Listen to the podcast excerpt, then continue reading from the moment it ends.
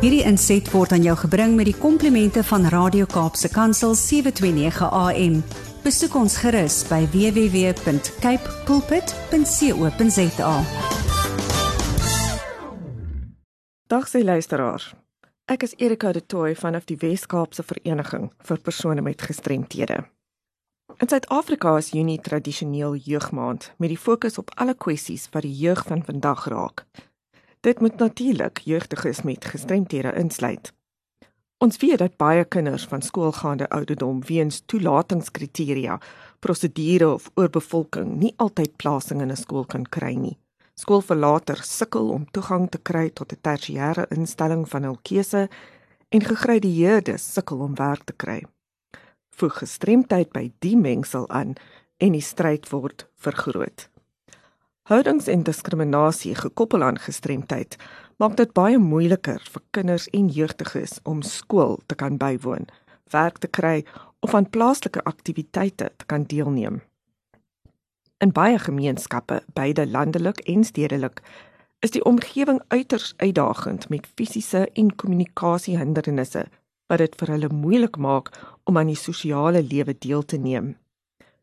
Jeug met gestremthede ervaar dus groter uitdagings as hul maats.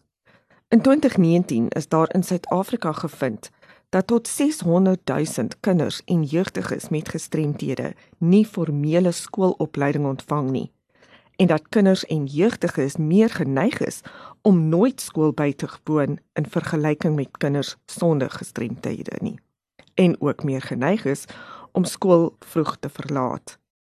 Die realiteit is ook dat gesinne nie die hoë koste van tersiêre instellings vir kinders met veelvuldige gestremthede kan bekostig nie.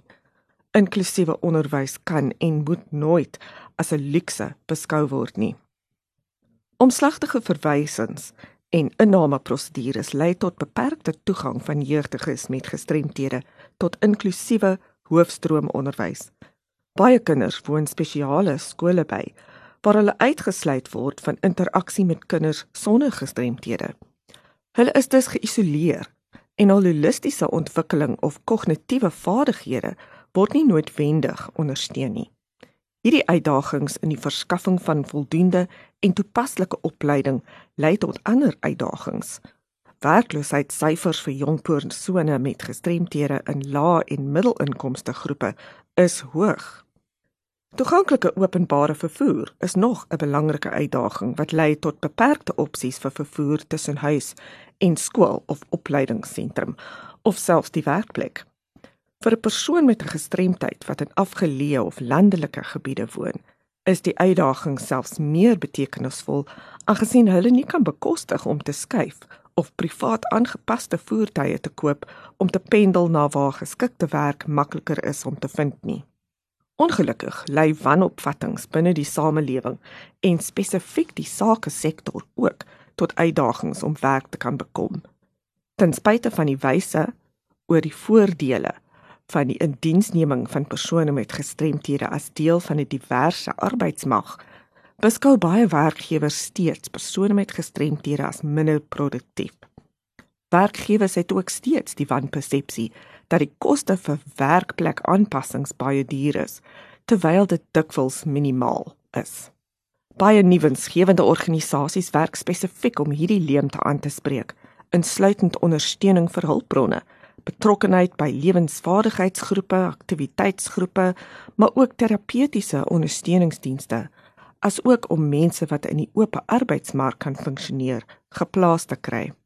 Die feit bly staan dat persone met gestremthede 'n aanwins vir enige maatskappy kan wees en al eie vaardighede en lewensuitkyk na die arbeidsmark bring.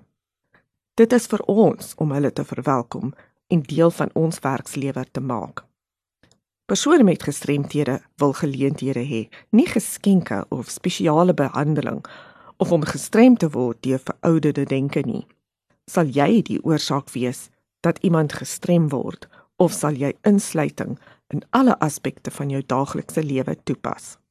Stuur gerus enige navrae of kommentaar aan my by awareness@wcapd.org.za of skakel my by kantoor nommer 021 355 2881.